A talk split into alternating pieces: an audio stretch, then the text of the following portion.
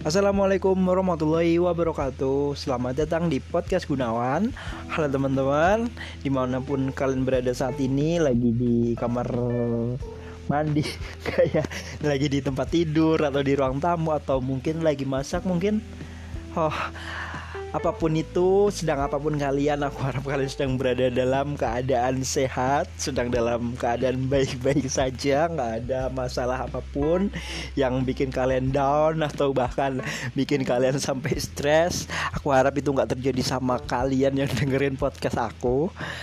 Sekarang aku mau ngajak kalian buat berdiskusi tentang masa depan Teman-teman yang terutama sekarang masuk usia 20-an, 21, 22, 23 dan seterusnya. Yang sampai 20-an intinya 20 sampai uh, 30 tahun. Pernah gak sih kalian bingung tentang masa depan kalian kira-kira besok uh, lima tahun yang akan depan kalian mau jadi apa 10 tahun yang akan depan target kalian seperti apa. Nah di sini aku mengajak diskusi ke kalian. Nah namanya kan diskusi tentu aja setelah kalian dengerin podcast aku ini. Kalian boleh banget buat komentar tentang persetujuan mungkin yang udah apa yang aku katakan di siaran podcast aku atau mungkin juga kritik ataupun saran uh, tentang mungkin tema-tema lain yang bisa kita diskusikan lain di siaran podcast aku. Nah, untuk kesempatan kali ini uh, aku ambil record suara aku ini jam 23 lebih 50 aku mau bawain suatu uh, apa namanya tema mungkin ya bisa dikatakan tema tentang proses pendewasaan diri dan kebingungan masa depan. Aku mau tanya lagi ke teman-teman pernah nggak sih kalian bingung kira-kira gimana ya masa depan aku? Dan sebenarnya itu pengalaman pribadi aku sendiri. Aku tuh bingung kira-kira nanti setelah aku lulus kuliah aku tuh mau gimana mau seperti apa lima tahun yang akan datang lagi aku udah dapet apa 10 tahun yang akan depan pencapaian aku udah seperti apa aku bingung. Nah setelah kuliah kalian akan langsung kerja atau melanjutkan kuliah lagi? Itu pasti kalian sekarang lagi dipikirin atau udah dapet jawabannya? Dan kalau buat temen-temen aku yang besok mungkin langsung kerja kira-kira akan kerja seperti apa atau sebagai apa dan bahkan di mana teman-teman mungkin udah uh, punya pemikiran seperti itu yang membayangkan kira-kira besok setelah lulus itu mau seperti apa.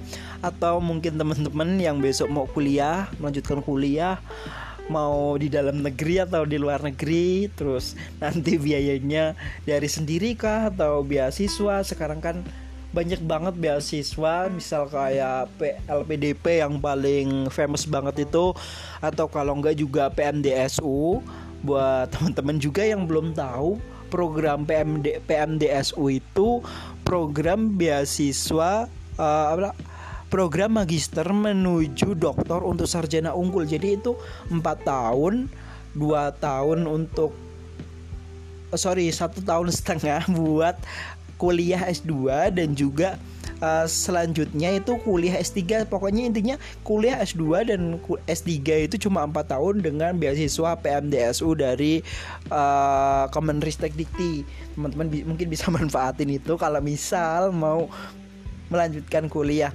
Nah balik lagi ke pembicaraan tentang masa depan kita.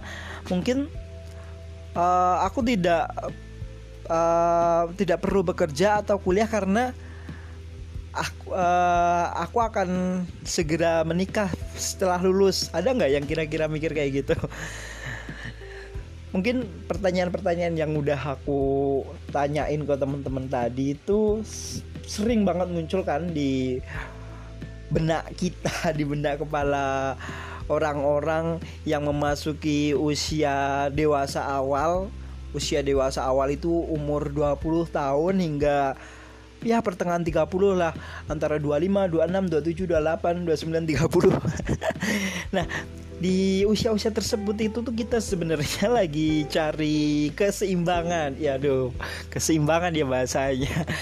Ya emang lagi mencari pencarian keseimbangan antara keinginan diri dan juga realita yang harus dijalani karena sebenarnya keinginan sama realita yang dijalanin itu sering kali menimbulkan dilema di tengah banyak tuntutan.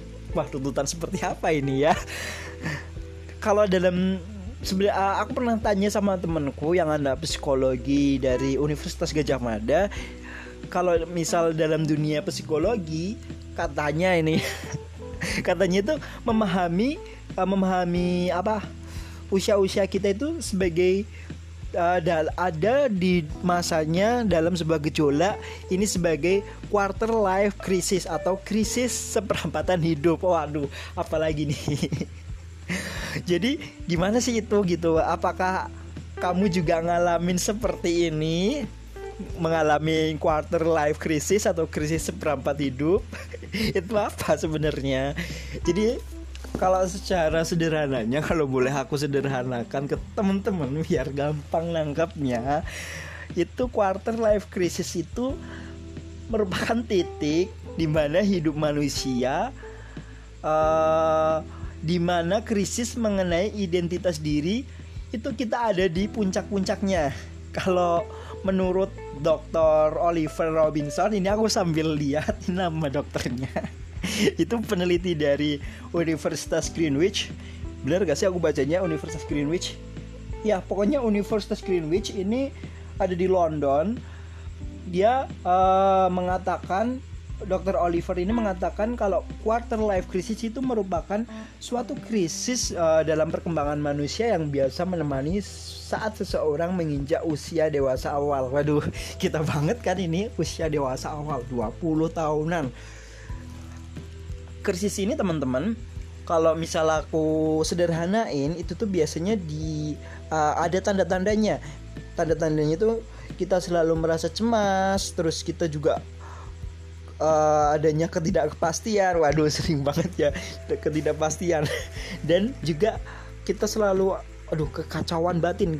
Kira-kira ini gimana? Kira-kira kalau misal aku melakukan seperti ini nanti dampaknya seperti apa buat aku sendiri? Dan juga mungkin orang-orang sekitarku gitu di mana usia-usia ini teman-teman kita itu rentan untuk mengalami krisis ini menurut tadi si dokter Oliver Robinson tadi karena orang-orang uh, karena orang-orang pendidikan.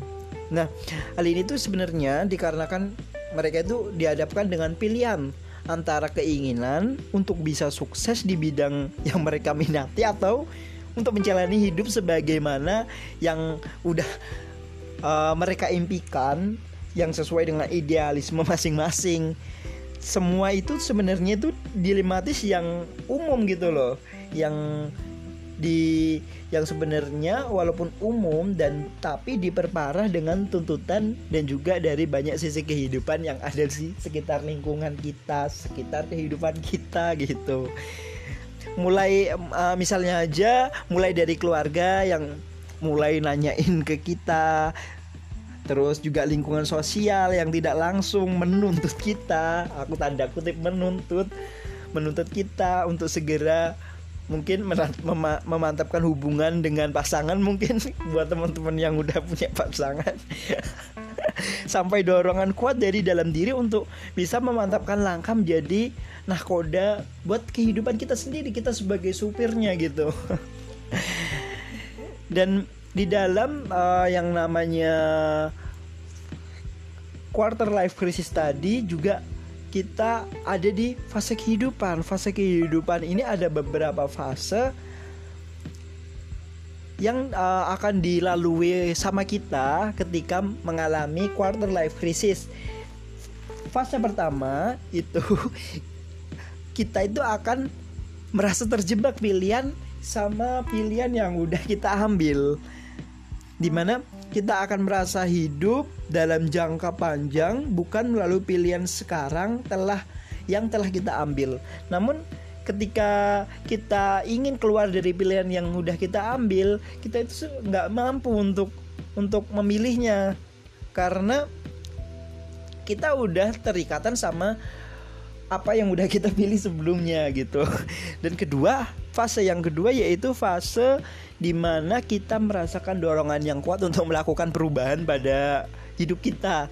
Kita itu sangat gigi pingin banget mendorong yang kuat untuk mendorong uh, melakukan perubahan kita untuk yang tentu aja yang lebih baik gitu. Dan kita biasanya akan berusaha keluar dari komitmen yang sedang kita jalani. Teman-teman juga pasti sering kan kalau misal ada masalah kecil-kecil lah atau baik itu di lingkungan keluarga ataupun di kehidupan kampus. Dan kita selalu berusaha dan juga berkomitmen agar kita keluar dari apa namanya zona tersebut. Terus uh, ada di mana fase ke uh, fase ini fase di mana kita selalu merasakan dorongan yang kuat untuk melakukan perubahan pada hidup kita itu tuh sebenarnya ada titik emosional di mana kita itu rentan merasa cemas tentang ketidakjelasan masa depan kita. Kita juga jadi bingung dengan apa yang kita ambil kira-kira nanti apa ya manfaatnya untuk masa depan. Dan uh, kalau aku pribadi sih sering mempertanyakan uh, nilai-nilai dan juga kepercayaan tentang kehidupan ini. Apakah akan baik-baik saja atau dalam tanda kutip nanti akan ada sesuatu yang mungkin saja tidak diinginkan. Terus ada di fase ketiga masuk ke fase ketiga ini ada fase di mana kita akhirnya mengambil langkah meninggalkan pilihan yang udah kita jalani sebelumnya kalau yang fase sebelumnya tadi kan kita masih agak bingung gitu mau meninggalkan pada untuk meninggalkan fase ya, apa kehidupan kita yang sekarang ini. Dan kalau yang di fase ketiga ini katanya uh, dalam uh, kata dari Robinson tadi dalam fase ini kita mulai mengambil langkah untuk meninggalkan pilihan yang kita jalani sebelumnya. Dan dan di sini sekali lagi kita mencoba untuk gaya hidup yang baru dalam artian beda dari gaya hidup sebelumnya dengan tujuan untuk mencari identitas baru dan juga kita uh, pernah nggak sih teman-teman ngerasa kalau kita itu selalu bereksperimen? Bereksperimen dengan banyak hal kemungkinan kita mulai seneng uh, pengalaman ini itu. Dan di tahap ini sebenarnya kita itu merasa uh, merasa nggak stabil. Kita uh, katakanlah seperti aku aku memiliki banyak target tapi untuk mencapai target-target tersebut nggak stabil secara emosional untuk melakukan perubahan dari apa-apa saja yang udah aku target seperti itu Terus nih teman-teman kita masuk ke fase 4 Di mana uh, di fase keempat ini Gimana ya aku ngomongnya teman-teman? Fase keempat ini uh, kita itu mulai membangun kembali hidup kita dari sudut pandang yang baru. Gimana tuh maksudnya? Berat juga ya. Nah kali ini kita itu lebih istilahnya lebih termotivasi untuk pilihan hidup yang baru.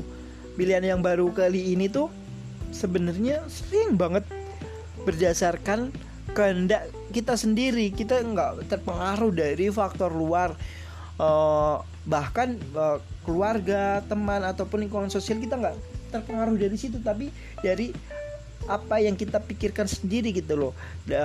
Kita lebih termotivasi atas pilihan baru yang diambil dan pilihan itu sering kali berdasarkan kehendak kita. Nggak dari keluarga teman ataupun lingkungan sosial seperti itu. Dan kalau boleh aku sederhanakan eh, fase-fase uh, yang tadi udah aku sebutin tadi itu sebenarnya terjadi berurutan dan bisa bisa aja terjadi berulang-ulang. Fase 1 nanti misal udah kita masuk ke fase 2 balik lagi ke fase 1 udah di fase 2 lanjut ke 3 lanjut balik lagi ke fase 1 dan begitu seterusnya gitu sebenarnya bisa berulang-ulang. Misalkan misalkan uh, misalkan aja uh, aku mulai hidup baru dengan pilihan fase keempat. Ternyata juga aku masih belum merasa cocok dengan pilihan aku tadi itu seperti itu. Maka hidup uh, maka hidup menempatkan menempatkan kita kembali ke fase 2 atau ketika uh, aku ngerasa nggak perlu melalui tahap-tahapan alternatif 3 aku pengen buat langsung terjun ke tahap 4 ke fase 4 tadi. Jadi itu caranya itu berulang-ulang seperti itu. Atau uh, ada juga yang kita ngerasa aduh aku nggak perlu di fase ketiga. Jadi langsung melompat ke empat. Nah itu sebenarnya menurut aku sih sah-sah aja bagus gitu. Karena lebih selangkah lebih maju daripada teman-teman yang uh, ada di fase 3 tapi walaupun teman-teman yang berurutan dari fase 1, 2, 3 dan 4 menurut aku sih itu bagus. Itu karena dia stabil dan dia melewati prosesnya seperti itu. Dan uh, apa namanya tapi dari fase itu ternyata teman-teman uh, kita itu tidak nggak bisa ketahui gitu loh bagaimana rasanya menjalani alternatif lain yang mungkin saja bisa kita jalani. Dan akhirnya kita itu sering memutuskan untuk kembali keluar dari pilihan kita lalu mengulang fa semua fase ini. Jadi itu bisa aja berulang-ulang baik dari fase 1, 2, 3 dan 4 namun yang perlu uh, teman-teman ketahui bahwa setiap hari kita itu memiliki ritmenya sendiri-sendiri. Aku sama temanku atau katakanlah aku sama adikku aja udah memiliki ritmenya sendiri-sendiri. Kita mungkin men, uh, mendapati uh, teman-teman kita misal temanku yang di kampus ataupun teman tetanggaku yang mungkin udah apa namanya step satu langkah lebih maju fasenya mungkin kalau aku yang udah masih kuliah ada temanku yang udah nikah gitu. Sementara uh, gini. Misalnya seperti ini. Misalnya uh, aku masih kuliah dan ada temanku yang udah nikah. Pernah uh, mungkin kita pernah akan merasa cemas. Menurut kalian gimana? Itu wajar nggak sih kalau misal kita uh, belum punya uh, istilahnya pasangan terus teman kita udah pada punya pasangan. Terus kalian cemas wajar nggak? Wajar dong iya wajar. Tapi sebenarnya bukan berarti kita itu harus membandingkan hidup kita dengan hidup teman kita itu. Jadi kita itu harus sebenarnya harus berpikir positif. Uh, di mana kalau misal kita selalu berpikir positif itu akan selalu ada alasan mengapa hidup menghentikan langkah Anda di titik saat ini. Kalau misal kita berpikir yang negatif seperti itu. Gimana teman? Kan kita ini udah di usia seperempat abad. Itu ada saatnya mulai menjadi diri kita sendiri bukan istilahnya uh, menjadi cerminan buat diri orang lain gitu. Dan sebenarnya kalau kita merasa kebingungan dalam memilih pilihan hidup itu tuh itu lumrah teman-teman. Jadi kalian nggak usah khawatir nggak usah sedih. Kita yang harus kita lakukan adalah tanyakan ke diri kita sendiri dan bagaimana kita membayangkan diri kita 10 atau 20 tahun yang akan datang mungkin lalu kita langkah yang paling tepat adalah menentukan langkah. Langkah apa yang bisa kita ambil untuk meraih apa yang kita inginkan 10 atau sampai 20 tahun yang akan datang. Karena tidak pernah ada langkah yang salah dalam hidup kita itu sebenarnya teman-teman. Berujung baik atau buruk semua akan memberikan anda pelajaran. Cakep. Gak maksudnya jadi tidak ada langkah yang salah dalam hidup kita. Kita mau ambil masalah, uh, mau mengambil pilihan apa pun itu, itu tuh sebenarnya nggak ada baik ataupun buruk karena sebenarnya itu akan memberikan kita pengalaman dan juga pelajaran. Oke, mungkin itu aja uh, podcast aku kali ini. Maaf banget kalau masih uh, uh, uh, uh, kaku kaku kaku gitu karena malu maybe banget maybe pemula jadi oh oke okay, terima kasih. Selamat malam. Semoga ada manfaatnya. Wassalamualaikum warahmatullahi wabarakatuh